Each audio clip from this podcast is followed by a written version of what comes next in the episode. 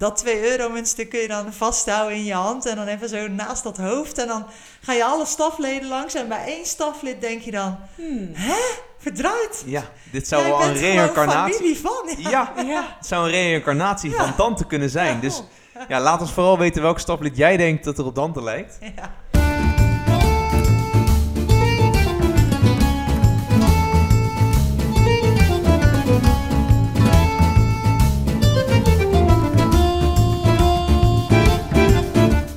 Ciao a tutti en welkom bij de Italië-reis podcast aflevering 8. Je luistert naar de stem van Brendan en aan tafel heb ik hier Hazel de Jong en Lisanne van der Holst om te praten over misschien wel de mooiste stad die we gaan bezoeken, Verona. Hazel zou natuurlijk eigenlijk vorige aflevering aanschuiven, maar gelukkig is ze er deze keer bij. Hazel en Lisanne, ik wil jullie welkom heten in de podcast. ja, thanks. Leuk om hier te zijn. Ja, er zeker. zin We hebben er zin in. Kijk, hey, net als bij de vorige afleveringen stel ik de gasten voor aan de hand van een aantal vragen en ik heb ze ook voor jullie eh, in petto. Petto. Hazel, wie ben je, hoe oud ben je en wat voor werk doe je? Ja, eh, nou, ik ben Hazel. Ik ben Hazel de Jong. Ik ben docent aardrijkskunde, net als Freek Hartveld. Dus wij zijn eh, goed vertegenwoordigd. Eh, ik ben twee keer mee geweest op Italië-reis. Tweede keer ben ik er naartoe gefietst. En dat kan ik iedereen aanbevelen, want dat is echt beter dan een nacht in de bus. Hè. Liever 14 dagen fietsen dan één nacht in de bus. Dus ja, dit wordt zo'n beetje mijn derde keer. Of ja, misschien wel mijn vierde keer. Want ik ben ook nog een keer in de zomer met mijn dochter geweest. Omdat die wegens corona niet eh, ging. Dus toen hebben we even zelf eh, de kletterstijk en de canyoning en alles eh, gedaan. Kijk, een soort mini-Italië-reis. Oké, Precies. en wat is je favoriete plek in Italië? Mijn favoriete plek, dat vind ik nou echt lastig dat je dat vraagt. Ehm, eh, ja, dat wordt kiezen, want Italië heeft eigenlijk alles. Eh, ik ben er al een keertje helemaal doorheen gefietst, helemaal tot aan Bari. Dus ja, ik vind de bergen prachtig en vooral natuurlijk de afdaling. De hele dag eh, afdalen vanaf de Bernina Pas. Eh, dan kom je in Toscane, de- zo'n hele mooie weg heb je daar, de 222, hè, luister goed. Dus dan heb je dat vast... in de tips. Het Napels, natuurlijk prachtig met de Vesuvius op de achtergrond. Of zuidelijker, waar de welvaart minder is. En, maar als mooiste plek, ja, toch eigenlijk Rome. Rome. Rome. Ja. Eh, ik hoor je veel over fietsen. Wat is je favoriete activiteit tijdens de reis? ja, dat is natuurlijk lekker makkelijk. Eh, ja, ik vind eh, het mountainbiken natuurlijk het allermooist. Het is vooral het, het is een, leuk, een leuk rondje. Je ziet heel veel, je hebt mooi uitzicht. Je start vanaf de camping, dus dat is ook leuk. En af en toe even lekker zweten omhoog en dan weer hobbelen bij het afdalen. Leuke lunchplek aan het meertje, lange afdaling aan het eind en dan een ijsje toe. Dus ja, perfecte dag. Jouw perfecte dag. Eh, ik hoorde dat je op veel plekken bent geweest in Italië. Dus je hebt ook veel verschillende dingen geproefd. Maar wat is nou je favoriete Italiaanse gerecht? Nou, dat is eigenlijk wel ook een leuke vraag. Eh, ik, ik hou van alle pasta gerechten. Ik ben niet zo'n pizza-fan en eh, vis al helemaal niet. Dus alle cremzige eh, pasta gerechten die niet bestaan, die vind ik eigenlijk lekker. Oké. Hey, ten slotte, wat is je favoriete Italiaanse woord of zin? Ja, je kan mij s'nachts wakker maken en dan ga ik het recitatief uh, Giunto al fin il momento godrò senza affanno. Maar dat zal ik niet verder afmaken. dus ehm ik, eh, ja, dan gaan ze thuis heel hard lachen. Ik kies toch voor Parmigiano Reggiano. En wat is dat? Eh, dat is eh, Parmezaanse kaas, maar het is zo'n leuk, leuk woord om te zeggen. En Zeker als je het dan overdreven op de verkeerde manier doet. Dus, Parmigiano Reggiano. En dat jullie allemaal weten dat als er een dubbele G of een dubbele... eh, dat je even moet stoppen. Dus het is de Reggiano. Kijk, Nou, weet je dat ook weer? ook gewoon nog eh, taaltips ja, hier. taaltips. Ja. Ja. Hey Lisanne, voor jou dezelfde. Wie ben je, hoe oud ben je en wat voor werk doe je? Eh, ik ben Lisanne. Ik ben eh, 32 jaar en eh, ik geef Nederlands op school. Kijk, en hoe vaak ben je al mee geweest op de Italië-reis? Nou, ik ben dus helaas pas één keertje mee geweest. En daarna eh, kwam corona, dus toen ging het eh, twee jaar niet door. En ehm, ja, nu ben ik net moeder geworden, dus ik ga dit jaar ook even niet mee, want handen vol thuis. Nee. Maar daarna ben ik er weer bij. Ja, de volgende, in mei. Ja, in mei. Mijn ouders hebben dus vakantie genomen in mei. En ik dacht, zij moeten dan het oppaswerk doen. Dus ik denk dat het pas volgend jaar wordt. Maar ik ga het gewoon nu al regelen. Kijk, dat klinkt goed. Ja. Hey, wat is je favoriete plek in Italië? Ja, net als Hazel dacht, is het eigenlijk... Italië is echt zo'n mooi land. En Bali is heel mooi. Ehm, ja, alle plekken die we aandoen op de reis zijn echt super. Ehm, maar ik dacht, mijn favoriete plek is toch altijd wel ergens bij de kust. Ehm, dus daar denk ik. En wat ik ook een hele mooie plek vind in Italië, eh, ja, is het dus het Gardameer. Daar heb ik een keer kiteles gehad. Dat was ook mooi. Ja, ergens met water, daar word ik altijd wel enthousiast van. Dat je lekker kan zwemmen, kitesurfen. Ja, surfen. Nee, dat gaat dan niet echt in Italië, maar... eh, Cool. Wat is je favoriete activiteit tijdens de reis? Ja, dat vind ik echt moeilijk kiezen. Want eh, ik vind alle activiteiten eigenlijk even leuk. Maar mijn favoriete activiteit was het windsurfen. Want ja, zoals ik net al zei, water en surfen. Dus dan zit je al gauw goed. Ehm, maar dat is eruit. Eh, dus ik heb niet echt een favoriete activiteit nu. Ik vind echt alle activiteiten echt enorm leuk. En er is er niet ja, één die er bovenuit springt. Ik vind vooral de afwisseling in het programma heel leuk. Dat je iets sportiefs doet en dan weer eh, naar stad gaat. En dan weer wat sportiefs. En ja, echt top. Echt heel leuk. Kijk, wat een enthousiasme joh. Ja, nee, maar het is ook echt een superleuke Ja. reis. Wat is je favoriete Italiaanse gerecht? Ja, mijn favoriete Italiaans gerecht dat is eh, gnocchi. En dat schrijf je gnog, gnocchi of zo. Ja. Of Gnocchi. ze Delft gnog, gnocchi. Maar of ze Itali- Italiaans gnocchi. En misschien denken sommigen van jullie nu, wat is dit? Ehm, het, is, het is een pasta, maar dan gemaakt van aardappel. En zijn een soort aardappelpasta balletjes. En dat kan je dan heel erg lekker eten met die Parmigiano. Even Parmigiano Reggiano. Reggiano. ja, en met goed Ja, veel heerlijk. lekkere olijfolie. Ja, ja. En eh, ja, eigenlijk gewoon met een goede, goede saus. Het heeft niet zoveel nodig. Misschien wat groentetjes aan de site en dan ben ik blij. en wat ook ook vet wel. lekker is, is het cantuccini koekje. Ja, Kijk, dat zijn die harde hè? Ja, maar die hebben ze niet echt in Noord-Italië. Ik had, ik had dus dat ene jaar dat ik meeging echt bij zo'n bakkertje gevraagd... hebben jullie cantuccini? Nou, die vrouw die schoot me zo wat van de toonbank af... want dat was blijkbaar niet de specialiteit van die regio. Dus niet bestellen, maar misschien een keer ergens anders in Italië proberen, jongens. Ja, of bij een delicatessenwinkel of zo. ja, of gewoon bij Albert Heijn. Ja, of Ja? gewoon bij Albert Heijn, ja. Ja, toch? Misschien makkelijker. Ja. En wat is je favoriete Italiaanse woord of zin? Ja, het is een beetje standaard, maar ik dacht, niemand heeft hem nog gezegd. En voor leerlingen, voor jullie dus, is het wel echt een makkelijk woord om te gebruiken. Want dat is dus grazie mille. Grazie mille. Ja. En dat kun je gewoon altijd en overal erin gooien. Dus dat is wel echt eentje die je zelf ook kunt gebruiken. Maar wat je- betekent het dan? Oh ja, het be- betekent dus eh, duizendmaal bedankt. Ehm, dus maar ik ja. dacht voor leerlingen misschien toch ook wel leuk om te weten, ti amo. Ik Ja, ti amo. Ti amo Oh. tantissimo. Ja. Ik, ik hou van jou. Ik dacht, zoveel. ja, ik dacht eerst ook aan allemaal Ja. van die flirterige Ja, ja, zinnetjes ja. van eh principessa en eh, iets van eh, je ogen zijn heel mooi, maar ik weet niet hoe je dat nu zegt. Nou ja, en als jullie, als jullie nog een goede pick-up line willen weten... dan moet je de vorige aflevering even luisteren met. Ja. Oké.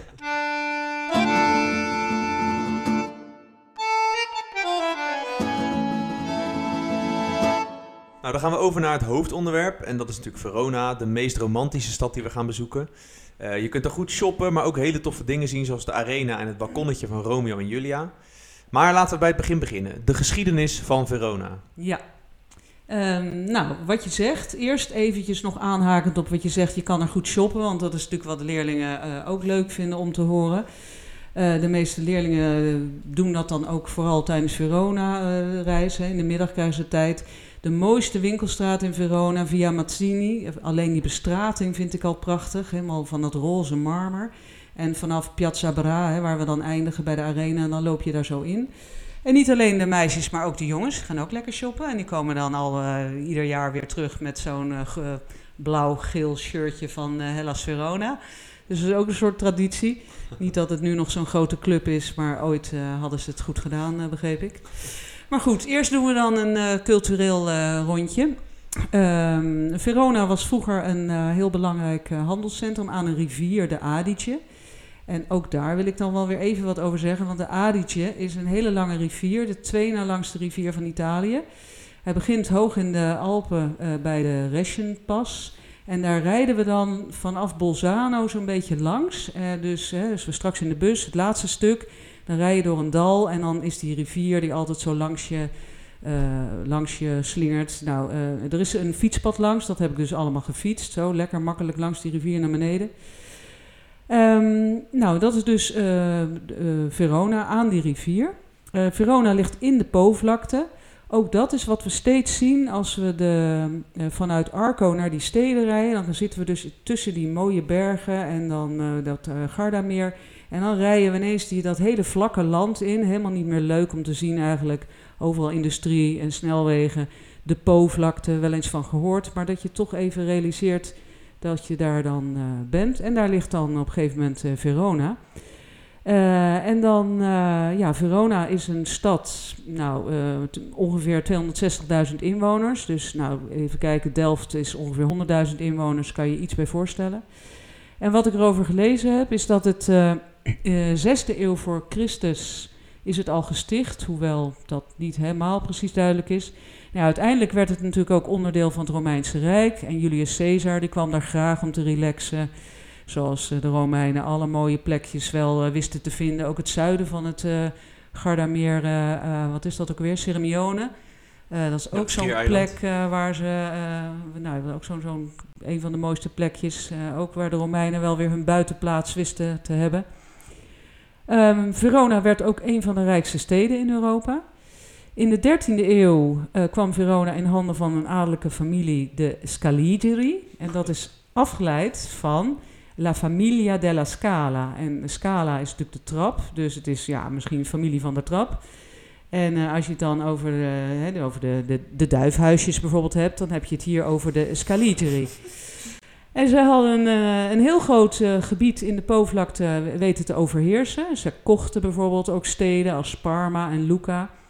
Maar dat hebben ze niet stand weten te houden. Want er zijn natuurlijk van die andere families waar jullie ook wel over gehoord hebben. De Visconti in uh, het gebied van Milaan en de Gonzaga-familie. En die hadden zich met elkaar verenigd om die familie, de, de een beetje kleiner te maken. Dus ze hebben drie jaar lang uh, oorlog gevoerd. En uiteindelijk hebben de Scaliteri alleen nog Verona en Vicenza overgehouden. Uh, nou, dat, verder las ik dat het een heel bloeddorstige familie, dat ze bekend stonden als bloeddorstige familie. En dat er dus in de steden nog, in Verona nog allerlei afbeeldingen van honden zijn. Ik heb die zelf eigenlijk nog nooit gezien, dus ik ga daar eens naar op zoek. En, maar ja, uiteindelijk was het toch een hele beschaafde familie die ook vrede en beschaving brachten en mooie kastelen bouwde. Bijvoorbeeld het Castelvecchio. En daar gaat straks Lisanne nog even wat over vertellen. Zeker, zeker. En het leek mij leuk om, om het een beetje op chronologische volgorde te doen, van hoe we de dag ook daar in een soort route lopen. En we beginnen eigenlijk altijd bij de San Zeno-basiliek. En waarom bezoeken we die, Lisanne? Wat maakt die kerk nou bijzonder? Ja, het is sowieso een mooie kerk om te zien en geeft een goed beeld van de Italiaanse ja, bouwstijl in die tijd.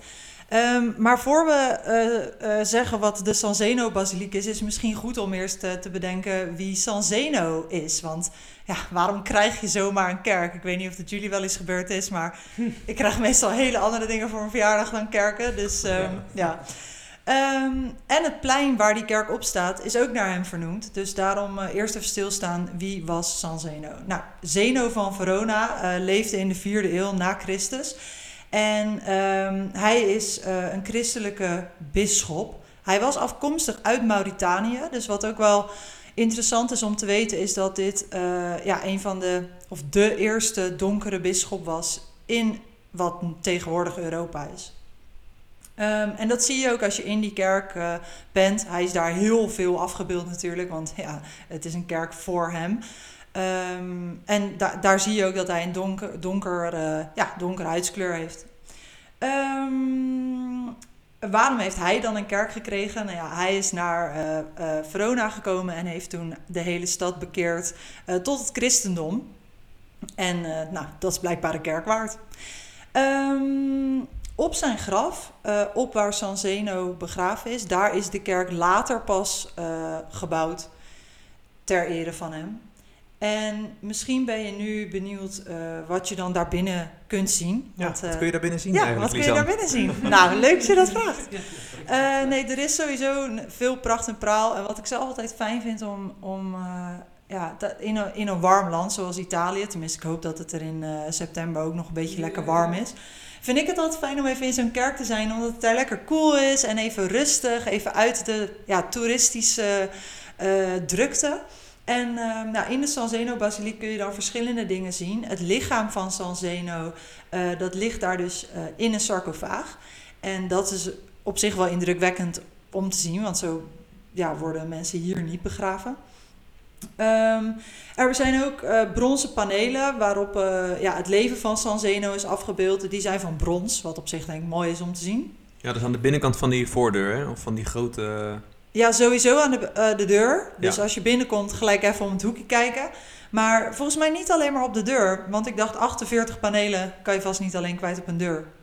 Toch? Ja, ik kan Ja. me niet zo goed meer herinneren. Ik weet vooral nog zijn standbeeld. Want eh, dat had eh, Kees van der Linden mij toen laten zien. Dat, eh, zo van, moet je nou eens kijken. Ja, Ja. Ehm, en nog een leuk zien. feitje, want dat kun je er niet zien, maar misschien kun je dat wel een beetje voelen. Ehm, volgens het verhaal van Romeo en Julia zijn zij dus in de San Zeno basiliek getrouwd. Dus eh the Ja, klopt, love ja. is in the air. Hey, en daarna gaan we naar het Casto Vecchio. Eh, dat is waar de Scaligeri, zeg ik het goed, Hazel? Heel goed De gedaan. Scaligeri-familie eh, eh, lang gewoond heeft. Kun je daar ook wat over vertellen, Lisan? Ja, gaan we doen. Maar eerst nog even over dat Scaligeri, want volgens mij spreekt iedereen dit altijd uit als Scaligeri. Ja, en is het nou- ik heb dus net geleerd hoe het echt moet, dus Hazel. Scaligeri. En allemaal een koor. Scali- Scaligeri. Ook maar thuis, hè? Scaligeri is ook goed, hoor. Nee, dat Nou, ik ga proberen het goed te Er staan zeggen. ook, er staan ook kringeltjes onder. Oh. Nou, die Scaligeri-familie, die is dus eh, ja, vrij eh, eh, berucht. Een beetje zoals de duifhuisjes nu. Hè? Ja. Daar kun je, het, kun je het dus mee vergelijken. en ehm, eh, nou ja, die wilden natuurlijk hun macht eh, tentoonspreiden. Dus ja, wat doe je dan? Dan bouw je iets groots. En eh, dat iets groots is dus het Castel Vecchio geworden. Vecchio. het Castel Vecchio't. Castel Vecchio, moet je waarschijnlijk zeggen. Vecchio. Oké, ik voel me nu echt alsof ik Zweeds praat of zo. ik ga gewoon even door, want ik weet wel wat het betekent in het Nederlands. En dat is een taal die ik wel machtig ben. Het betekent oud kasteel. Ehm, en het is ook dus best wel oud, want het komt uit eh, de 14e eeuw. Ehm, en het heeft meerdere functies gehad. Natuurlijk eerst eh, ja, een kasteel waar, waar mensen woonden en waar de stad eh, min of meer via bereikt werd. Ehm, daarna is er dus verschillende dingen geweest. eh, maar nu is het een museum. En wat misschien nog grappig is om te vertellen. In 2015 is dat museum overvallen. Toen is er voor 17 miljoen euro aan schilderijen gejat. Maar het echt grappige is dat een half jaar later eh, werden de dieven gearresteerd. De schilderijtjes netjes teruggehangen. En eh eind goed al goed. Oh, Kijk, ah, toch nog een mooi einde. goed zeg. Hey, en na een wandeling eh, komen we dan uiteindelijk aan op dat Piazza Bra, waar je het net al even over had, eh Hazel. En daar staat ook de Arena van Verona. Ja, Piazza Bra. Ehm, je, kan- Piazza Bra. Hè, dan denk je van, hm, bra. Bra. Eh, bra. Eh, nou, dat is het dus niet. Eh, Het BH-plein dus- is Ja, eigenlijk. precies, ja. Jij zegt het. Ehm, bra, ik heb nog even gezocht wat dat dan zou kunnen betekenen. Maar het is misschien toch een Lombardijse-achtige... be- van Braida, iets van eh, een eh, breed plein. Het is ook een heel groot plein. eh, waar gezellige ehm, eh, cafeetjes en restaurantjes. En ehm er staat daar een mooie fontein ook eh, nog te vinden. Maar het meest opvallend is natuurlijk eh, de arena. En eh, de arena is eh, in de Romeinse tijd ge- gebouwd. De Romeinen bouwden amfitheaters in belangrijke steden. En dit is de tweede grote. Je hebt natuurlijk het Colosseum in, in Rome. En ja, waar werden die voor gebruikt? Voor gladiatorengevechten, gevechten met wilde dieren, jachtpartijen. Dat was natuurlijk eh, brood en spelen voor de mensen. Hè? Dus eh, iets te eten, een beetje vermaak. Eh, dat was, deze was gebouwd in ehm 30 voor tot 30 na Christus zo'n beetje. Het is ook wel eens een keer door een aardbeving eh, behoorlijk eh, beschadigd geraakt. En uiteindelijk is alles weer een beetje opgebouwd. En tegenwoordig ja, wordt het gebruikt. Er kunnen iets van 30.000 man in. Maar eh, om veiligheidsredenen kunnen dat er 15.000, 20.000 zijn. Ik heb hier wel eens gehoord dat het, eh, de Grolse vesten in FC Twente ongeveer vergelijkbaar is. Niet dat ik daar geweest ben, maar Ja, je laat je wel eens wat vertellen. Ja, dus, dus vroeger kon er 30.000 man Ja. in en dat is ongeveer even groot als het stadion van FC Twente. Ja, Ter zoiets. vergelijking, ja. Ter vergelijking, ja. Nou, dat eh, kent iedereen natuurlijk. Ehm, maar tegenwoordig met corona eh, denk ik dat er wat minder in kunnen. Ja. Eh, er is jaarlijks eh, iets van 500.000 bezoekers. Nou, dat zal vorig jaar minder zijn geweest. En het is vooral bekend vanwege het eh Opera Festival van Verona. Dat is dan hè, een openluchtconcert. Ehm het is zo dat in 1913 daar een, eh, een, een tenor ehm, eens even een beetje ging zingen, een beetje ging inzingen. En toen bleek dat de akoestiek daar heel goed was. Dus eh, boven in de arena, dat je dat zelfs eigenlijk eh, kon horen. Dus twee- tot 2011 is er nooit een microfoon gebruikt. Ik moet je zeggen, in 2017 heb ik het ook even geprobeerd. Toen ben ik even op, de, op het podium gaan staan. Ja, dat klopt, ja. Ik hoopte dat ik daar dan ontdekt ging worden. Eh, maar goed, de bewaking kwam al gauw naar me toe en eh, heeft me mijn liedje af laten zingen. En toen moest ik toch maar eh, verdwijnen. Dus, maar ehm, ja, het is in die arena worden in de zomer de mooiste opera's laten ten gehore gebracht. En dan natuurlijk degene die het publiek het liefst hoort. En dat is Verdi en Puccini. En eh, nou ja, die meeslepende muziek van Puccini, dat raakt natuurlijk iedereen. En het mooiste stukje, eh, dat eh, geluidsfragment, dat Dat komt, heb ik, dat heb ik ja, dat, dat bij komt, je ingeleverd. ja, dat En komt nu.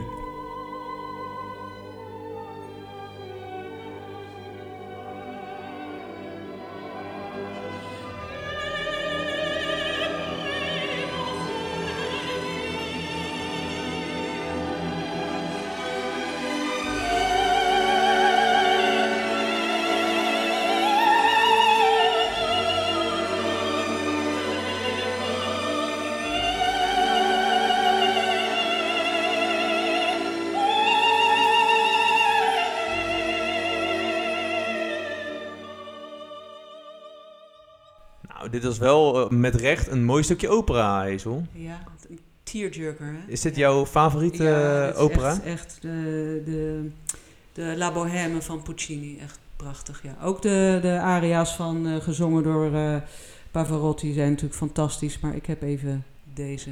Deze Dit is de gekozen. mooiste aria, ja, vind ik. Ja, maar volgens mij zingen wij altijd iets anders in de arena, Lisan. Ja, er, er wordt ook een ander heel mooi lied gezongen. Zonder Bijna- af te doen aan wat we Bijna net gehoord hebben. maar opera-waardig. Ik denk dat over, nou, geef het 500 jaar en dan wordt dit nummer nog steeds gedraaid.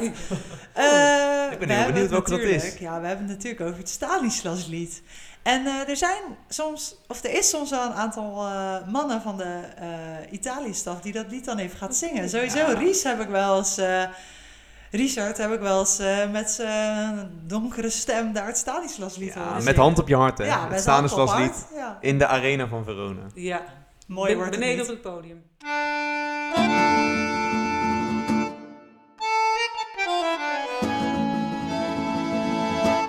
Ja, een terugkomend onderdeel in de Italië-reis podcast. De dilemma's. Oeh, spannend. Nou, de eerste is eigenlijk best wel... spannend. Nou ja, ik weet niet. Het ligt eraan wat, wat, wat het dilemma is. De eerste is redelijk makkelijk. Oh. En eigenlijk weet ik voor wie is die bedoeld? Ja, voor jullie allebei. Oh. En eigenlijk eh, eh, is die voor jou misschien het makkelijkste. Dus begin ik bij jou, Hazel. Mountainbiken of de bergwandeling? Ja, ehm, ja, ik moet je zeggen. Nou, doe maar mountainbiken. Ja, Ja, toch op ja mountainbiken. zeker weten. En jij, eh, Lisan?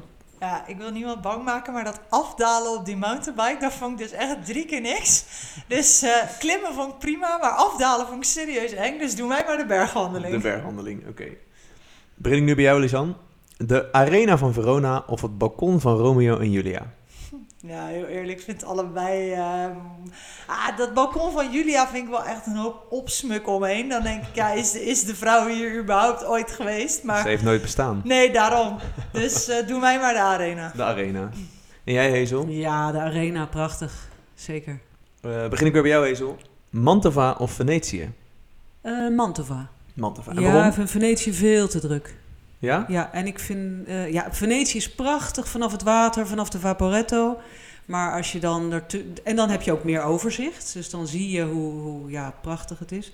Maar Mantova is gewoon heerlijk om doorheen te lopen. Ja, prachtig. En jij, Lisan? Ja, ik ben ook meer van de rustigere stadjes aandoen en de toeristische hotspots eh, zo ver mogelijk vandaan lopen. Dus ik ga voor Mantova. Alhoewel ik wel vind dat je wel een keer in Venetië Zeker, geweest moet zijn. ja. Maar als je dan één keer geweest Ja. bent, dan is, Dan het, is het ook goed. helemaal prima. Ja. Ja. Hey, Lisan, eh, naar Italië vanuit Nederland helemaal op de fiets of met de zeilboot? Eh, nou, misschien is zeilend wel een keer leuk, ja. Ja, laten we zeilend doen. Zeilend. En jij, Hazel? Zou je het nog een keer ja, doen op de fiets? joh, ik heb het al drie keer gedaan, dus ik eh, ga het zo weer doen. Ja? Ja. Nou, dan komt nu natuurlijk een beetje de lastige. Hazel, Aad of Boris? Oh, wat een vervelende vragen zijn dat altijd. Oh, Demi of Jon? Getverderrie. Ik dacht ook, daar komt hij. Ik dacht andere namen. Nou, die vind ik maar- echt, die vind ik echt, heel, die vind ik echt heel vervelend. Dus ik moet je, kiezen. Ja, je moet, je moet kiezen. Hm. Nou, ik, eh, ik eh, denk dat ik eh, eh, Boris kies, want eh, anders wordt hij heel boos en Aad die vergeeft het me wel. En jij, Lisan? Ja, ik dacht eigenlijk gelijk, ik kies Boris, want die ken ik langer. Want ik heb zelfs nog les gehad van Boris op het IMC, een school die nu niet meer bestaat. En eh, ja, ik vind allebei hele fijne mannen, maar... eh, Ja. eh, dit klinkt zo raar, hè? kan dit er nog uit? Fijne collega's. Ja, Fijne collega's, ja, fijn vinden om te horen hoor. ja.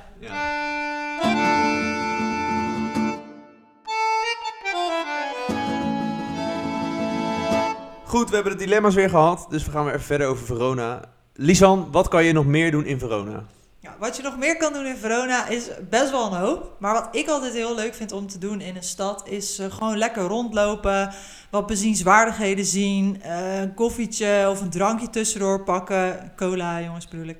Ehm, en dan ja, gewoon een beetje lekker te slenteren. En daar leent Verona zich ook wel goed voor. Vooral op het moment dat je vrije tijd hebt. Dan zijn er eigenlijk eh, nog een paar bezienswaardigheden die je kunt zien. Die ook ja, best wel dicht bij elkaar liggen. Dus ik dacht, ik neem je even mee eh, in een eh, tripje door Verona. Ja, en dat gaan we ook echt doen hè, in, in de middag. Heb je best even de tijd voor. Ja, daar heb je best even de tijd voor. Dus eh, deze route kan je gewoon al met podcast aan. Dan heb Oh je een ja, soort van Oh, zo'n audiotour. Yes. Oh, Oh ja. jongens, Wow. ik ben gewoon nu een Ja. audiotour. Heel goed. Ja. Dus maar, je, je, je doet even je ogen dicht. Ja. Je staat daar op het Ja. Piazza Bra voor de arena. En je dan? doet je oortjes in Oh ja. en dan hoor je mijn geweldige stem. Ja, juffrouw Lisan. Ja, ehm, nee joh, maar eh, eh, nou, je, je, je, je kijkt dan eigenlijk al de winkelstraten in. Dus die, die longt. Hè, en de Disney Store die, die, die trekt aan je. En eh, je moet ook nog een tasje kopen en zo. En van een of andere bekende je voetbalshirtje nog. Ja, voetbalshirt inderdaad halen. Nou, dat kan je even snel doen. Maar kijk, de Bershka heb je in Nederland ook. De Mango heb je in Nederland ook. Dus ik zou zeggen, blijf niet al te lang hangen in die winkelstraat. Maar kijk even naar wat Verona te bieden heeft. Want als je de winkelstraat nou, helemaal door bent gekomen, dan heb je op zich al heel veel discipline. Dus dan mag je jezelf een applaus geven. Ehm, maar aan het einde van de winkelstraat rechts heb je de eerste bezienswaardigheid eh, die echt het bekijken waard is. En dat is het huis van Julia. Ehm, eh, met het beke- bekende balkonnetje uit het verhaal eh, van Romeo en Julia. Dat verhaal is geschreven door William Shakespeare. Ehm, we hadden net opgezocht in welk jaar. maar- 1597. ja, ik kon het ineens niet meer vinden. In 1597. En wat misschien vooraf eh, geinig is om te weten aan dit verhaal. William Shakespeare is zelf nooit in Verona geweest. Maar heeft wel een heel bekend verhaal geschreven wat zich daar afspeelt. En eh, Julia is in dit verhaal 13. Dus je zou anno 2021 wel je vraagtekens kunnen zetten bij de leeftijd van dit meisje. Je zou wel kunnen spreken van een hashtag MeToo. Nou, een klein beetje wel. En een hashtag, hashtag eh, hoe heet die pedofiele groep ook alweer? Maarten of zo? Kan ook nog. Nou goed, ik weet niet hoe oud Romeo was in het verhaal, maar Nou, volgens mij 16 of 17. dus ja, nog, kan nog net, net te doen. Kalverliefde. In die tijd kon het. Ja. Nou goed, wat je daar kunt doen is ehm, eh, even kijken naar eh, de muur als je dat eh, binnenpleintje oploopt. Want eh, die muur, daar doen allerlei mensen van over de hele wereld allerlei liefdesbetuigingen aan elkaar. Volgens mij, eh, toen ik daar was met mijn vriend, heb ik, hebben wij ook ergens een briefje tussen gepriegeld. Want we dachten toch, ja, weet je wel, laat me even heel kazig hier aan meedoen. Ehm, dus eh, ik weet niet of er stelletjes zijn tijdens de Italië-reis. Die ontstaan nogal ja, eens. Ja, Ja. sowieso. Ja, En hebben ze, al, ze hebben al een goede zin gehoord natuurlijk eh, aan het begin van deze podcast. Ja. Ja. En Het als stad je van de liefde. bent, dan Ja. kom je gewoon even, even op de eerste avond even langs de staftent. Kom je dat even melden, want wij willen dat soort dingen natuurlijk allemaal weten. Ja, de eerste avond al. En ik wil er foto's van ontvangen als ik er niet bij ben. Ja, dat is trouwens leuk naar een, eh, om even te, eh, over te gaan op de laatste aflevering, aflevering 10. Want die gaan we namelijk opnemen op de reis. En dan is het natuurlijk helemaal leuk om, eh, om Ja. even alle laatste roddels en laatste stelletjes Ja, te Ja, horen. gewoon Dus, een onderwerpje stelletjes. Ja. precies, stelletjes. precies. Hebben dus, we eh, al dus hou het vast. Ja. Hou het vast. En, eh, Leuk. Lisan, kan je- je, wat kan je daar doen je op bent bij dat plein? muurtje, Ja, heb je sorry, je bent bij die geplakt. muur geweest. Nou, Ja. dan loop je door, een klein stukje maar. Dan kom je bij, bij de binnenplaats en dan kijk je rechts omhoog. En daar zie je dan het balkonnetje van Julia. En daar staat dan waarschijnlijk een vrouw op eh, eh, selfies te nemen. Of er, is- haar vriend staat beneden en die is foto's van Maar haar die is heel wat anders aan het doen. Haar, haar vriend. Haar vriend. Ja, die dat uit- komt zo Oh. meteen nog. Oh, maar wat je dus zou kunnen doen, is als de wachtrij het een beetje toelaat. Want eh, ja, toen ik er was, vond ik het veel te druk. Maar eh, je kunt dan dus zelf naar het balkonnetje gaan en eh, ja, daar ervaren wat Julia daar meemaakte. Hmm. Maar die vriend is inderdaad beneden. Die heeft alleen maar oog voor de tiet. Ja, De borst. de borst. De buste. De borst van wie? De borst van eh, Julia, want Julia is daar, eh, heeft daar een standbeeld gekregen. En eh, volgens de legende is het zo dat als je de rechter eh, borst van Julia aanraakt, dan heb je voor altijd geluk in de liefde. En dat zie je trouwens ook wel aan haar, want die rechterborst die is flink afgesleten. Dus alle leerlingen die nog geen stelletje zijn, Ja. Ja. Die kunnen even daar... Ja, eh, of misschien ook als je al een stelletje bent, kun je misschien zo samen een beetje over Oh ja, die borst wrijven. Want je hebt natuurlijk ook, nog wel, moet Ja. ook nog gelukkig blijven. Dat lijkt me erg romantisch. ja. Goed, de andere bezienswaardigheden waar je het over had. Ja, de andere bezienswaardigheden. Als je dus eh, dan dat eh, ja, huis van Julia uitkomt, dan steek je de winkelstraat over en dan eh, loop je een mooi plein op, het Piazza della Erbe. Maar ja, ik durf nu echt niks meer te zeggen in het Italiaans. Ik kan vooral heel goed eten en drinken bestellen, maar dan houdt het wel op. Ehm, dat is een groot plein met marktkraampjes. Eh, ja, best wel toeristisch, maar ik denk wel leuk als je daar Nou ja, je nog moet nooit natuurlijk geweest ook bent. nog je souvenirtjes voor thuis kopen. Precies, en dat kan daar goed. Je hebt er ook eh, een fruitkraampje waar je gewoon even een lekker bakje fruit kan halen als je daar aan toe bent. Sowieso leuk om even te kijken wat ze aanbieden. Ehm, als je dan dat marktplein een beetje halverwege op bent gelopen, dan heb je volgens mij aan de linkerkant, vanaf hoe je aangekomen bent, heb je een steegje, als ik het me allemaal goed herinner. Eh, even kijken, je komt uit die winkelstraat, ga je links. En dan is die, die boog Steeg. waar jij nu over wil gaan praten, denk ik, is rechts. Is rechts. Ja. Oh, oké, ja. Ik heb een keer een roadtrip gedaan door Italië. Heel veel pleintjes en steegjes. Lijken op elkaar. Ja, lijkt op elkaar. Nou, je staat dus op dat plein halverwege en dan ga je dus eh, rechts een steeg in. Eh, en dan, voordat je die steeg inloopt, moet je even omhoog kijken. Want daar hangt dus iets bijzonders. Daar hangt namelijk een walvisrib. Ja, een en, je, echte. en als je het niet weet, dan loop je er ook gewoon onderdoor. Hè? Ja, ik denk het wel, ja. En dan ja, gebeurt er waarschijnlijk helemaal niks. ja, want eh, de legende gaat namelijk dat als je daar onderdoor loopt en eh, je bent echt zo'n lief persoon dat je nog nooit een leugen hebt verteld, dan eh, komt de rib naar beneden gestort. Ik durf Ja. daar dus ook echt niet onderdoor te Ja. lopen. Nee, want jij hebt nog nooit een leugen verteld. Weer één, Hazel. Ja, nog één. Ja. Op de stapel. Eh, nou, je loopt dan door die stegen en dan kom je eigenlijk op een best wel belangrijk plein. Want op dat plein staat Ja, een standbeeld. van... Van? Van? Van niemand minder dan Dante Alighieri. Ehm, nou, het is sowieso een mooi plein. Eh, dus kijk ook even rond, hè. Niet alleen maar die Dante aanstaren. Eh, en je vraagt je misschien af... eh, waarom heeft deze beste man een standbeeld gekregen? Want ja, ik heb ook nog nooit een standbeeld gekregen, jongens. Nog. Daar zijn eigenlijk een paar redenen voor. En het is denk ik wel overzichtelijk als we die doornemen, zodat je een beetje weet wie hij is. Nou, ten eerste is hij een Italiaan. En Italianen vinden Italianen natuurlijk heel erg belangrijk. Mhm. Dus eh, een Italiaan heeft een standbeeld gekregen. Ehm, Dante Alighieri is namelijk dus een Italiaan. Hij werd in 1265, gewoon na Christus, geboren in Florence. En ehm, hij heeft een standbeeld in Verona gekregen, omdat hij daar ook nog even is geweest. Eh, hij was namelijk een beetje stout en toen is hij eh, verbannen uit Florence. En eh, nou ja, moest hij ergens anders in ballingschap leven. Ik vond dat zelf altijd heel ernstig klinken. Ik dacht dan dat je ergens in de kerker zat aan slot en grendel of zo. Maar ballingschap is gewoon dat je moet ophoepelen uit die samenleving. Maar dan kun je gewoon prima aan een andere samenleving gaan, gaan, ja, gaan, gaan vertoeven. Dus uh, Dante is toen onder andere in Verona geweest en de uh, mensen daar vonden hem blijkbaar heel fijn. En toen kreeg hij standbeeld. De tweede reden is, hij kan ook wel wat, want je krijgt niet zomaar een standbeeld. Hij was um, uh, ja, dichter, schrijver, filosoof, hij was zelfs heel even politicus. En zijn bekendste werk, wat hij heeft geschreven, is La Divina Commedia. En dat is vertaald in het Nederlands de Goddelijke Comedie. Um, dat behoort echt tot het hoogtepunt van de wereldliteratuur. Naast natuurlijk al die hele goede Nederlandse romans. Ja, hè? ja. laten we die ook niet vergeten. Maar um, ja, dit is ook eigenlijk wel een werk wat je vindt. Ik behoor te kennen. Dat als in ieder geval de titel klinkt, dat je dan weet: oh ja, dat is van Dante en dat is een bekend werk. uh, en wat ook belangrijk is, want waarom heeft hij dan een standbeeld gekregen? Waarom was hij zo belangrijk? Nou, Dante is. Uh, uh, een van de eerste schrijvers, maar in ieder geval de eerste Italiaanse auteur, die schreef in de volkstaal in plaats van in het Latijn. Oh, Zo ken je dat misschien ook van uh, uit in 4 VWO is de middeleeuwen behandeld. En daar gingen ook Nederlandse mm. auteurs uh, ja, in het Nederlandse dialect schrijven in plaats van in, in het Latijn. Want dat was toen de taal van de geleerden. Maar Dante schreef dus in de volkstaal, namelijk in een of ander Florentijns dialect. En La Divina Commedia is dus ook het eerste grote werk in een volkstaal. En daar zijn de Italianen natuurlijk heel erg dankbaar voor. Vandaar dit standbeeld. En heel trots op natuurlijk. Ja. ja.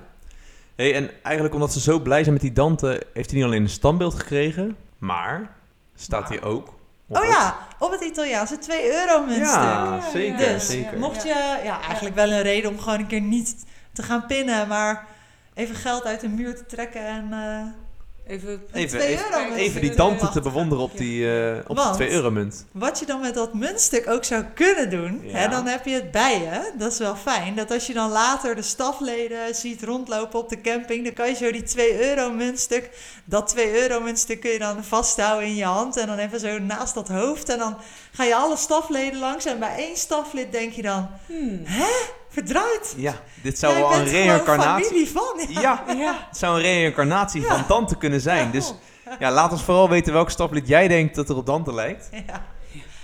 En dan. Uh, ja, horen we ook graag. Kan misschien ook een hele podcast Wat winnen ze dan? gevuld worden. Wat winnen ze dan? 2 euro, denk ik. De twee, oh, dan winnen ze dus 2 euro. En dan win je 2 euro.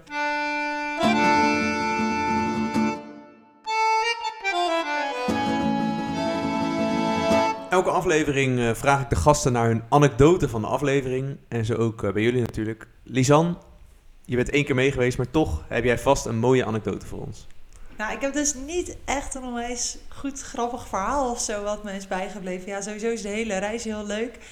Um, maar wat ik nog onderbelicht vind in de vorige afleveringen is het kampvuur. Want dat vond ik zelf zo leuk. Daar heb ik echt gitaar voor leren spelen bijna jaren ervoor. Dat ik dacht, ik wil gewoon ooit aan zo'n kampvuur zitten en dan zingen en gitaar spelen. En dat was daar. Dus, ja, dat is echt gelukt hè? Ja. ja. Dus hoeveel gitaren mogen er mee?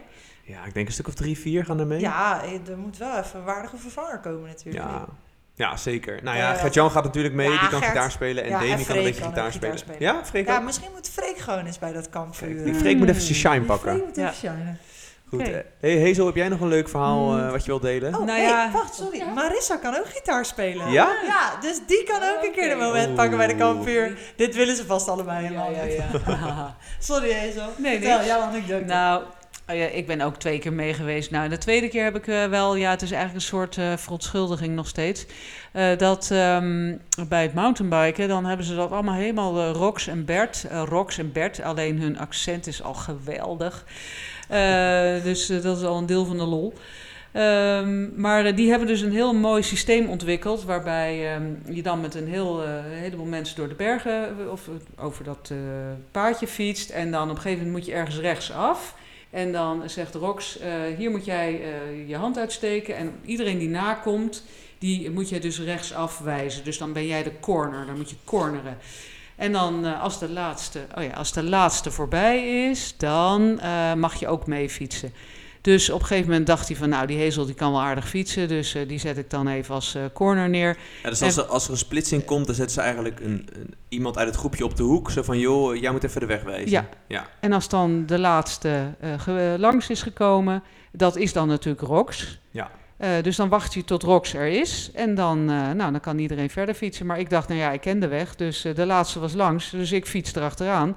En Rox die zag niemand meer staan. Dus ik had zijn hele systeem in de war gegooid. Dus die is het halve bos nog af gaan zoeken naar... eh, heb ik nog iemand ergens? Ben ik, heb ik iedereen? Heb ik al mijn schaapjes weer? Ja. Dus nou, sorry Rox, bij deze nog. ja, ik weet dat Rox luistert, dus eh welgemene excuses. Eh, vorige keer waren Judith en Gert-Jan hier en die hebben een hele leuke vraag voor jullie achtergelaten. Van welk historisch moment uit de Italiaanse geschiedenis had jij nou graag getuige willen zijn? Ja. Juist. En natuurlijk ook, en, en waarom dan precies? Ja, Precies. Ja, ja, ja. Leg het uit. ja, dus van welk historisch moment zouden jullie graag getuige willen zijn en waarom?